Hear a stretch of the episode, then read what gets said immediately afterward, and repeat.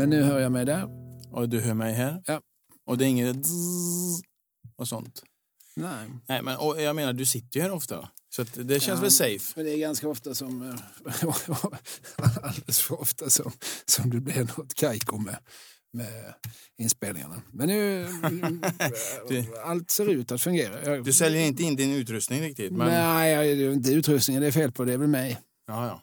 Teknikern Kalle Lind skulle jag inte ta betalt för. Okej.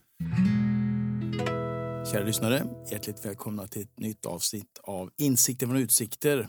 Podden du mår bra av. Och den här, ja, kan- kan man kalla det utsikt när man sitter instängd i en studio? Frågar nu min gäst, Kalle Lind. Ja, det kan man väl. Utsikt det är det du har i blickfånget väl? Alltså om Ja. det sen är en fängelsevägg eller Grand Canyon, det har ju helt att göra med var du Jag fick ställer titta dig. på tafsen av Christian Lok när han gästade för då hade jag liksom utsikt genom ett fönster och då var det en bakgård med ett hus som kom ganska eh, snabbt inpå. Men en utsikt måste väl inte med nödvändig, Nej, jag håller- jag håller med dig. nödvändighet vara vacker? Det, Nej, alltså, det, det är det man ser. Eh, precis, sen pratar man så här room with a view, alltså ett rum med utsikt. Fast någonstans har ju alla rum med utsikter. Men, men Ja, alltså, Och så kan de vara eh, större och mindre och vackrare och fulare förstås. Ja, det känns lite så här Basil Fawlty om man skulle komma med, om det står ett rum med utsikt och man sen som tittar på en tegelvägg. Då skulle, man kan ju höra Basil Fawlty argumentera för att du har en utsikt. Där Ja. är ju utsikten. Sant. En bättre utsikt är för övrigt namnet på en, på en revy som jag sitter och skriver. Ah. Eh, vi, det finns ju en, vi sitter i Malmö nu och det finns en grannkommun här som heter Vellinge. Och, och Vellinge är ju då liksom Skånes eh, Lidingö eller Danderyd. Så, liksom det är höginkomsttagarkommunen. Eh, som alltid har haft ett mörkblått styre och sådär. Och de hade i väldigt många år en skylt alltså på kommungränsen där det stod här är friheten större Mm. eh, som eh, till slut stack någon i ögonen för de bytte ut den till bättre utsikter.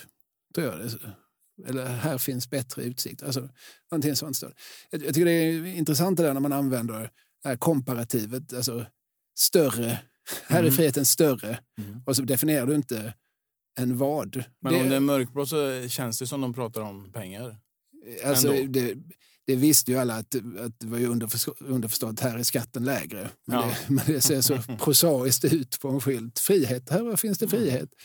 Alltså, det är ju dessutom en väldigt vacker kommun med mycket havsutsikt och sådär. Så att på något vis känner nog många att, att här andas man fritt. Mm. Eh, men alltså, man behöver inte liksom andas in någon sosseluft när man, när man tar ett andetag.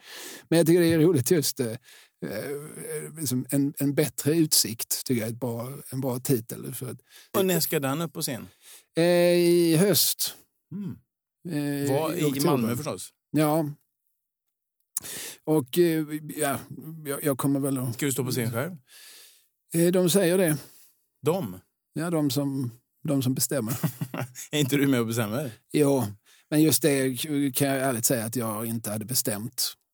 Alltså jag hade, inte, jag hade inte argumenterat för att jag måste vara med om inte någon annan tyckte att För någonstans när man håller på och läser på om det så känns det som att det har ju funnits sådana drömmar. Skojare kallar du det själv. Och Mm. att eh, du kommer ju ändå från komikerhållet.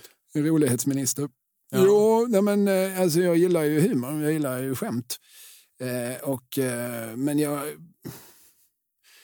det upplever kanske inte, det. jag identifierar ju inte mig som, som en eh, scenens man i första hand. Jag är väldigt Nej, men- begränsad på scen. Alltså, om, om man, Hur mycket har du gjort innan? Alltså jag har stått på scen en massa gånger. Alltså, de flesta gånger för att jag håller olika sorters föreläsningar. Som, Jo, men jag tänkte mer på i revysammanhang eller fars eller musikal. Alltså, man kan eller... säga att jag började så. Mm. Man, man kan säga så, det är en sanning. okay. Men, nej, men att jag hamnade på radion från första början det var för att jag och ett gäng eh, kumpaner, andra rolighetsministrar, vi hade ett eh, humorkollektiv. Eh, ett humorgäng som hette Komikkollektivet Korv, KKK. Eh, som gjorde alltså just sketch, vi kallade det sketchföreställningar. Det gjorde vi på olika scener runt om Möllevången i Malmö. Och det var, det var via, via dem, via att det gick lite djungeltrummor som, som radion fick nys om oss. Så, då, så hamnade vi på radion. Okej. Eh, och det var ju att vi gjorde föreställningar där vi gjorde liksom lite gubbar och spelade små eh, situationer. Så vi sjöng inte så mycket. Och därför så använde vi inte ordet revy. Vi tyckte nog också att då för tiden tyckte vi nog att revy var ett väldigt mossbelipet ord. Mm. Men vad menar du med att du är begränsad? Jag kan inte sjunga, jag kan inte dansa, jag har ingen kroppskontroll och jag kan inte heller riktigt agera.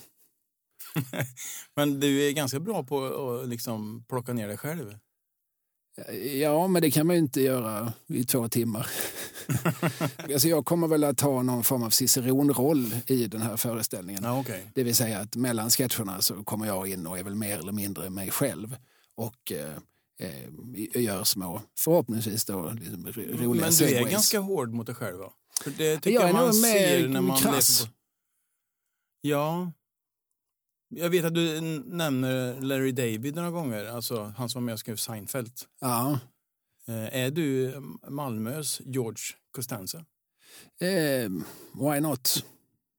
Mm. Det, det, är ju- säger du det så jag, jag, Nej, jag frågar. Jag, jag säger inte jag säger inte emot. Jag är lite längre än han i övrigt så Ja. har jag både synfäll och flint och eh, ett eh, neurotiskt förhållande till världen. Så why not? Mm. Eh, Jag är väl, väldigt, väldigt förtjust i Larry David. Eh, jag och min 19-åring, vi, vi tittar mycket på både Seinfeld och Your Enthusiasm. Jag är väldigt Just glad att det är liksom min 19-åring har hittat det själv. Och han, har, han, har sett, han har sett alla nio säsongerna många gånger om. Eh, och eh, jag sitter ofta in och Mm. skakar. Du hittade ju Hasse Tage otroligt tidigt. Fick du Ja. hjälp med det? Eller? Alltså det fick jag ju. Alltså det var inte så att någon gav det till mig så att säga. Utan jag läste av vuxenvärlden och insåg att det här är tydligen kul. Det här gillar folk, det här gillar Alltså, vuxna. Ja, Okej, det var den slutsatsen. Det var inte att du gillar utan du förstod jag, att tror inte, vuxna gillar jag är inte säker på att det, det fanns med i ekvationen riktigt. Jag tror att jag, sådär som, ja men jag tror att jag, ja det här, det här är tydligen roligt. Eh, då, Mm. Och eh, det var liksom härligt när, när Hasse Tage var på tv. Då skrockade, skrockade mor. Och det, det ville man att hon skulle göra. Så att då mm, såg jag till att det fanns mer och mer Hasse Tage omkring oss. Så att, Mm. så att hon blev glad. Och jag blev också glad såklart. Men, men, men det är ju... Jag har ju tänkt mycket på det där. Så det var mer för att roa mamma i början? Nej, men inte för att roa henne utan för att Alltså jag brukar berätta en historia som förmodligen inte är sann utan är sådär liksom konstruerat minne. Men när folk frågar hur börjar ditt Hasse och Tage-intresse? Ja, men då, då vill man ju... Det är, liksom, det är ett abstrakt svar att säga men det, det bara fanns. Men det, men det finns en, liksom, som jag minns det då, en konkret händelse att min styvfar kom hem med en LP-skiva som hette Lindeman gökar och nio. Eh, som alltså var Lindemän som var de här improviserade eh, dialogerna mellan Hasse och Tage. Och eh, när han gjorde det så, så sa mor, jo, kommer du med en Lindeman? Jag hörde liksom att det var mm. något trevligt. Mm. Jaha, nu, nu, kommer vi, nu kommer det bli kul. Och sen så lyssnade vi på den här skivan och de skrattade jättemycket. Och det var ju härligt att ja, det här stod liksom mor och styvfar och skrattade och på skivan hörde jag ju massor med vuxna människor som skrattade jättegott. Och jag ville väl vara i det rummet där folk skrattar. Jag vill fortfarande vara i det rummet. Mm. Jag vill inte vara i rum där folk står och bölar. och ännu mindre i rum där folk står liksom och mässar med en tonig röst. Jag vill vara där det är kul. Jag tycker det är en det är ganska begriplig... Exakt citat. Jag hade Claes Eriksson från Galenskaparna här i podden för bara några veckor sedan.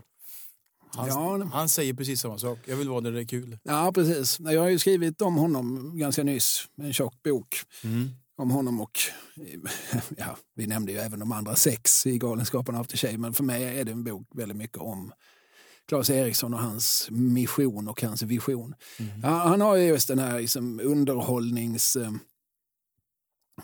besattheten. Det, det, måste, det måste vara kul. Vi måste göra roliga saker. Och, det, och det behöver inte vara så kul att göra. Alltså det, det kan till och med vara ganska ångestladdat eller neurotiskt. Att, som mm. att framställa komiken. men, men, utan det är liksom slutresultatet. Det här, nu, nu har vi liksom producerat sköj. Och, nu, och, det, liksom, och där kommer kvittot. Liksom. Nu skrattar de. Ja, men, alltså, det, man kan ha lite olika drivkrafter. Viss, alltså, jag träffar många människor i, liksom, i rolighetsbranschen. Och, och vissa är ju beredda att göra vad som helst för ett skratt. Alltså, det är liksom mm. bara liksom någon slags självbekräftelse. Och andra kan ju å andra sidan sitta liksom i tre veckor och finslipa ett skämt för att det är, som, det är produkten som, som är det viktiga och inte reaktionen. Alltså man kan ha väldigt många olika infallsvinklar men jag har alltid eh, tyckt om att vara i rummet där det skrattas. Och det måste inte alls vara åt mig de skrattar. Men om jag nu har i uppdrag att stå på scen. Som du snart ska ha. Ja, men som jag också har när jag Alltså jag, håller, jag åker runt rätt mycket och håller liksom föreläsningar så där, på, mm. på bibliotek och på föreläsningsföreningar. Så. Jag tycker det är väldigt olustigt att stå på en scen. Utan du gillar det inte? Jag var inte färdig med meningen. Förlåt. Utan att, uh, utan att få någon form av reaktioner från folket. Och den enda reaktion man kan få i ett sånt rum är ju skrattet. Alltså jag kommer inte få dem att börja böla. Jag kommer inte få dem, eh, alltså jag kommer inte få dem eh, att hoppa upp och plocka äpplen i luften. Utan det, det jag möjligtvis kan göra det är att få dem att skratta. Mm. Så står man på en scen, då vill man ha reaktioner i form av skratt. Mm.